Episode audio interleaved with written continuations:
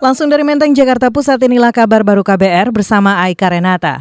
Komisi Hukum DPR bakal memutuskan permohonan amnesti korban Undang-Undang Informasi dan Transaksi Elektronik baik Nuril Maknun Rabu besok. Ketua Komisi Hukum DPR Aziz Samsudin menyatakan DPR bakal mengundang Menteri Hukum dan HAM Yasona Lauli. Pada rapat pleno lanjutan besok, Yasona akan menyampaikan pandangan pemerintah. Kemudian dalam pleno Komisi 3 disepakati untuk mendengar pandangan dari pemerintah atas permohonan pertimbangan terhadap amnesti yang diberikan oleh pemerintah. Sehingga besok setelah kita melakukan koordinasi disepakati pukul 15.30 mengundang Menteri Hukum dan HAM untuk didengar pandangan-pandangan pemerintah atas surat yang diberikan oleh pemerintah dalam hal ini pertimbangan atas amnesti yang diberikan kepada saudara Nuril. Ketua Komisi Hukum DPR Aziz Samsudin menyatakan besok seluruh fraksi juga bakal menyampaikan pandangan lanjutan atas permohonan pertimbangan amnesti untuk Nuril yang diajukan Presiden Jokowi. Politikus Partai Golkar ini menegaskan keputusan final dari Komisi Hukum akan diambil setelah penyampaian pandangan seluruh fraksi dan pandangan pemerintah. Pada rapat pleno Komisi Hukum hari ini dihadiri langsung oleh Nuril dan kuasa hukumnya.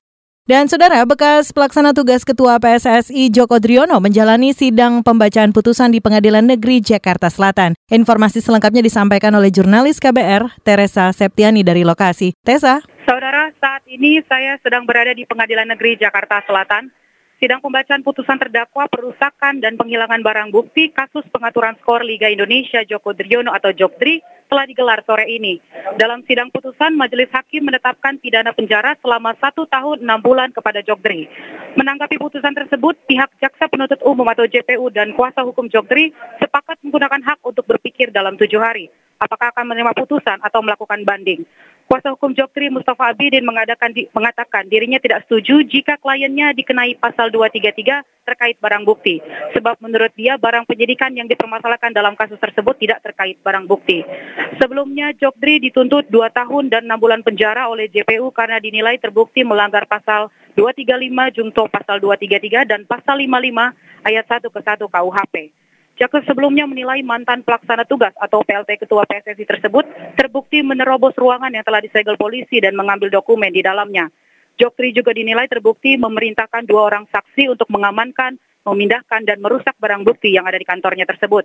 Barang-barang bukti yang dimaksud ialah sejumlah dokumen, DVR server CCTV, dan satu unit laptop yang saat itu dalam penguasaan penyidik Satgas Anti Mafia Bola yang terkait kasus pengaturan skor Liga 3 antara Persibara Banjarnegara versus PS Pasuruan. Dari Pengadilan Negeri Jakarta Selatan, Teresa Septiani untuk KBR. Baik, terima kasih Tessa untuk laporan Anda. Kita beralih ke berita selanjutnya, Saudara. Presiden Joko Widodo bakal menandatangani peraturan presiden tentang mobil listrik. Menteri Koordinator Bidang Kemaritiman Luhut Panjaitan menyatakan, saat ini draft peraturan presiden tentang mobil listrik sudah berada di meja kerja Jokowi. Semua menteri teknis, kata Luhut, juga sudah menandatangani draft tersebut. Tadi sudah selesai perpresnya mungkin hari-hari ke depan ini presiden tanda tangan. Jadi dari kami semua udah selesai para. Bu Sri Mulyani juga? Udah. Kemarin saya teleponan Bu Sri Mulyani bilang udah, saya udah para Pak Luhut, udah selesai kantor presiden udah. Keputusannya berarti fully listrik ya Pak? Iya, kira-kira begitu. Kira-kira begitu. Menko Kemaritiman Luhut Panjaitan menuturkan tanda tangan terakhir di draft peraturan presiden tentang mobil listrik berasal dari Menteri Keuangan Sri Mulyani. Luhut beralasan Sri Mulyani perlu waktu mengkaji kebijakan itu karena di dalamnya memuat berbagai insentif fiskal, semisal diskon pajak penghasilan atau bahkan menghapuskannya dengan tax holiday.